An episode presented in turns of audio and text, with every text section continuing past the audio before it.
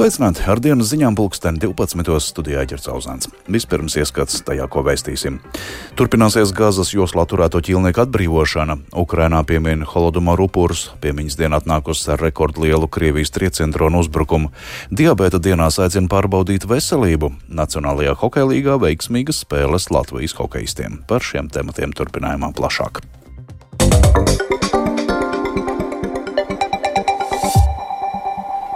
Teroristiskais grupējums Hamas šodien gatavojas nākamajai ķīlnieku grupas atbrīvošanai. Vakar pirmajā pamiera dienā Hamas atbrīvoja 24 ķīlniekus, no kuriem daļa atbrīvot ārpus pamiera vienošanās.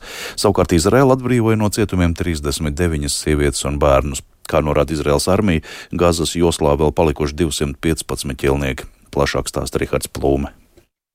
Pirmo ķīlnieku grupu Hamas piekdienas sākumā nodeva starptautiskajai sarkanā krusta komitejas darbiniekiem, bet tālāk tie tika nogādāti Rafāhas robežu čērsošanas punktā starp Gazas joslu un Ēģipti. Pēc tam ķīlnieki tika nogādāti slimnīcā Ēģiptē, bet vēlāk konvojas devās uz Izraēlas teritoriju. To sagaidīja arī vietējie, kas bija pulcējušies ceļmalās netālu no Hadzerimas gaisa spēku bāzes Izraēlas dienvidos. Cilvēki ceļmalās ar Izraēlas karogiem rokās dziedāja aplaudēja un gavilēja. No gaisa spēku bāzes atbrīvotās personas ar helikopteriem tika nogādātas dažādās slimnīcās, kur satika savus radiniekus. Nolaupīto ķīlnieku ģimenes locekļi pēc vairāk nekā mēneša beidzot izjūt prieku un atvieglojumu. Atbrīvoto 13 ķīlnieku vidū ir bērni, sievietes un veci cilvēki. Lielākajai daļai atbrīvoto ir laba fiziskā veselība, bet daži ir pārguruši. Vakar tika atbrīvoti arī desmit aizemieši un viens filipīnietis. To paredzēja atsevišķi panākta vienošanās. Izraēlas premjerministrs Benjamins Netanjahu atkārtoti uzsvēra, ka turpinās darbu pie tā, lai no Gazas joslas atgriezti tiktu visi ķīlnieki. Tagad esam pabeiguši mūsu pirmo nolaupīto bērnu, viņu māšu un citu sieviešu atgriešanu. Taču es uzsveru jums, ģimenēm un jums, Izraels pilsoņiem, mēs esam apņēmušies atgriezt visus mūsu nolaupītos cilvēkus. Tas ir viens no kara mērķiem, un mēs esam apņēmušies sasniegt visus kara mērķus. Savus ģimenes locekļus šodien cer ieraudzīt arī citi nolaupīto radinieki, jo ķīlnieku atbrīvošana turpināsies. Šodien paredzēts atbrīvot 14 Hamas gūstā turētos ķīlniekus, un arī šodien atbrīvoto vidū būs bērni. Tikmēr Izrēla atbrīvos 42 ieslodzītos palestīniešus. Kā norādījis Izraēlas armijas pārstāvis Dorons Spilmans, Gazas joslā vēl palikuši aptuveni 215 ķīlnieki. ASV prezidents Joe Baidens izteicies, ka Hamas ķīlnieku pirmās grupas atbrīvošana ir tikai sākums un ka pastāv reālas iespējas pagarināt pagaidu pamieru Gazas joslā.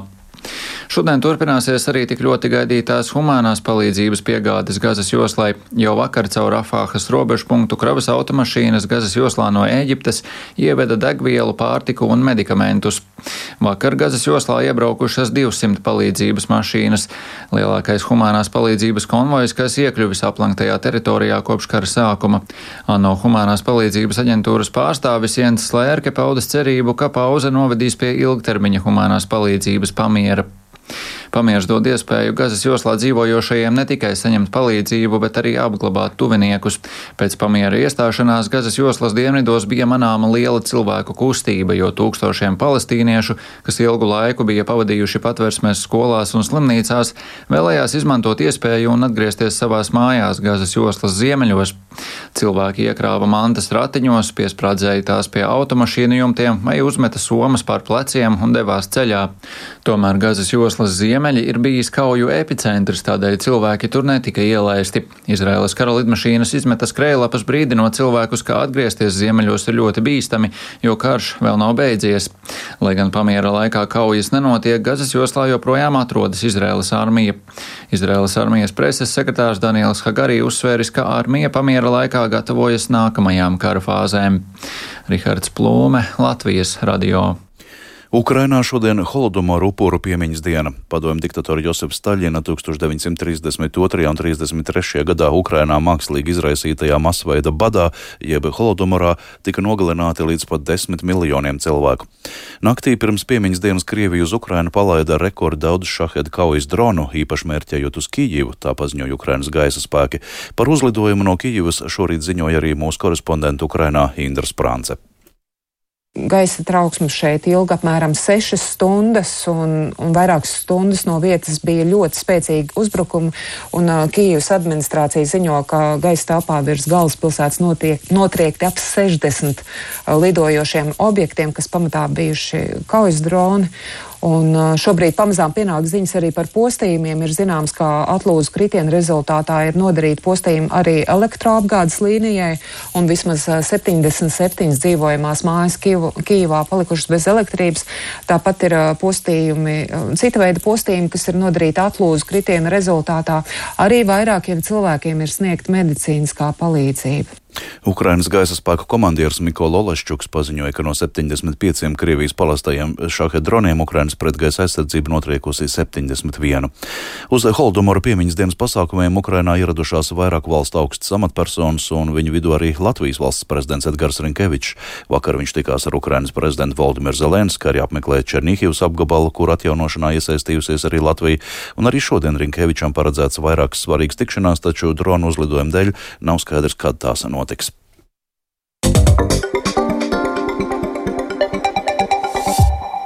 Latvijā turpinās diabēta dienas, kuru gaitā mediķi aicina pārbaudīt veselību. Latvijā reģistrēta vairāk nekā 95 tūkstoši cukurdiabēta pacientu, tā liecina Nacionālā veselības dienesta dati.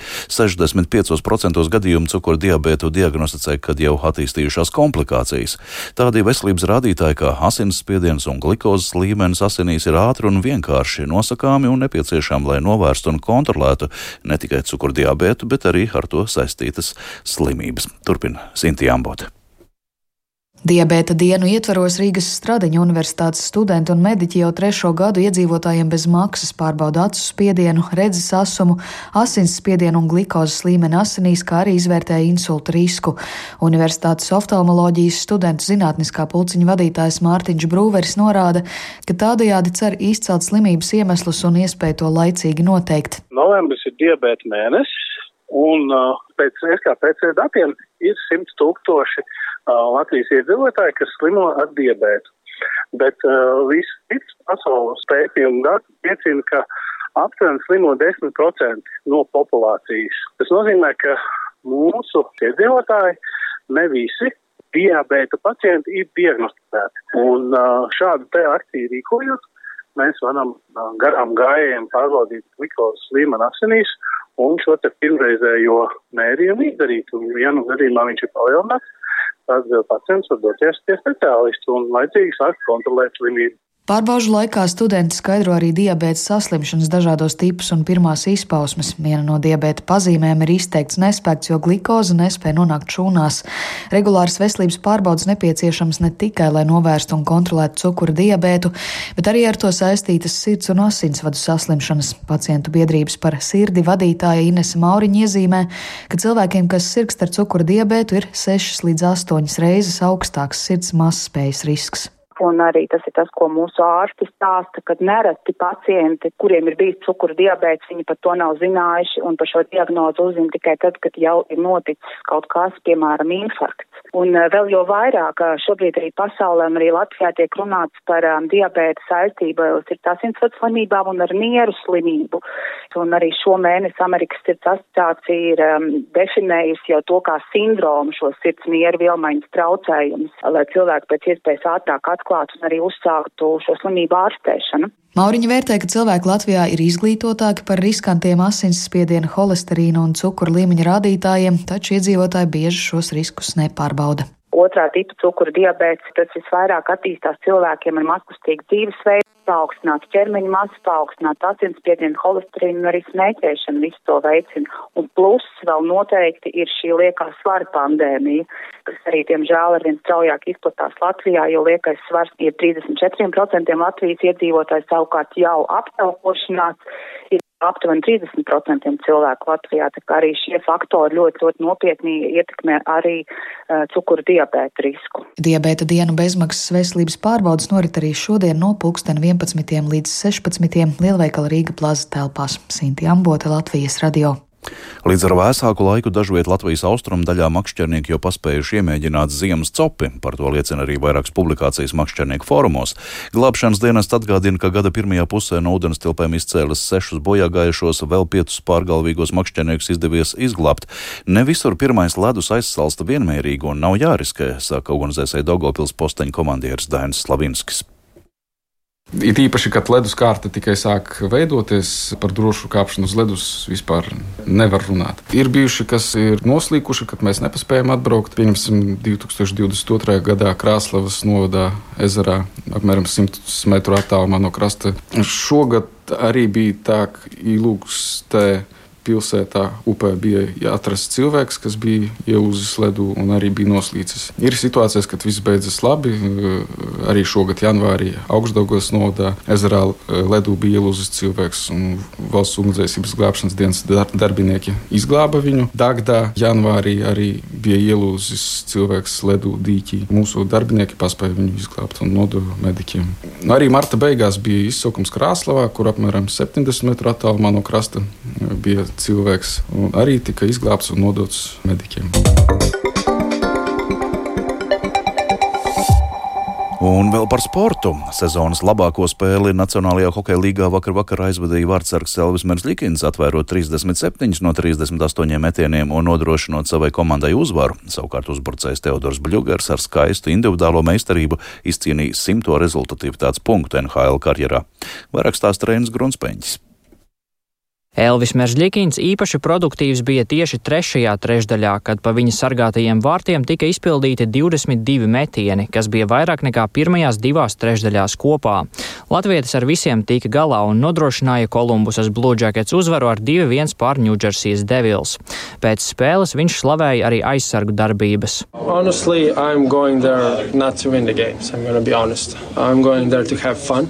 Godīgi sakot, nedodos laukumā, lai gūtu uzvaras, bet gan lai izbaudītu spēli un paveiktu savu darbu labi.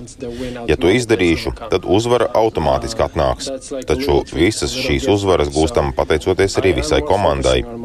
Ēriks Robinsons, kurš nu pat pievienojās no farm kluba, varēja gūt pēdas lūzumu, bloķējot metienu. Šādu atdevi man patīk redzēt, un es to novērtēju. Protams, ir grūti, kad ir tik daudz metienu pa vārtiem, bet tajā pašā laikā es dievinu, kad pa maniem vārtiem met 40 reižu. Tas ir mans darbs. Man nepatīk, ja metienu nav. Citā mačā ar vārtu guvumu izcēlās Teodors Bļugers, kura Vankūveras Canucks ar 5-1 pārspēja Sietlas Kraken. Bļugers atklāja spēles rezultātu vārtus gūdams skaitliskajā mazākumā un nopelnīdams savu simto punktu NHL karjerā. Neveiksmīgāka nakts izvērtās Zemgum Girgensonam un Kristapam Porziņģim, kuri abi spēles nepabeidza savainojumu dēļ. Girgensons iedzīvojās ķermeņa apakšdaļas savainojumā, savukārt Porziņģis sajūtas diskomfortu kreisās kājas ikru muskulī.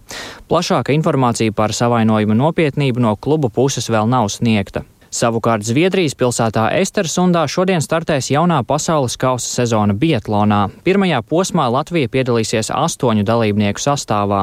Šodien paredzētas jauktās stafetes. Pāru stafetē Latviju pārstāvēs Andrejs Rastorgujevs un Annija Keita Sabule, kamēr jauktajā stafetē formātā 2 plus 2 startam pieteikti Renārs Birkentāls, Aleksandrs Patrijuks un māsas Sanita un Sandra Buliņas.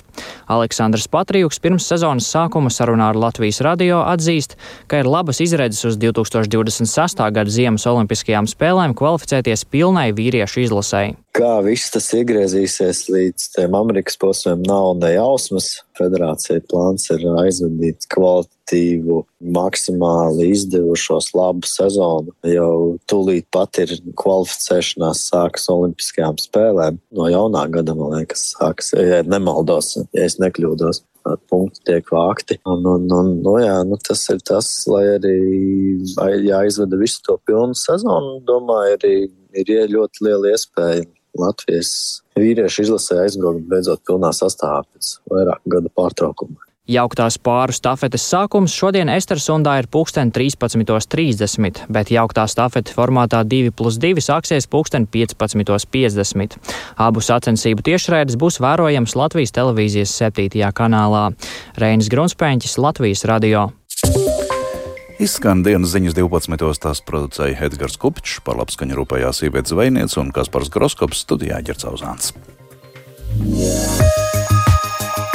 Rīgā šobrīd ir mīnus 1 grāds, lēns dienvidrietumu vējš, atmosfēras spiediens 747 mm, relatīvais mitrums 96%. Šodien Latvijā mākoņēns, daudz vietā sniegs, vietām sniegs stipri, piekrastē arī slapjš sniegs un lietus, ceļi dažviet slīdēni. Ziemeļvējš līdz 7 metriem sekundē, gaisa temperatūra mīnus 6, mīnus 1 grāds, piekrastē ap nulli, laika tips otrais labvēlīgs.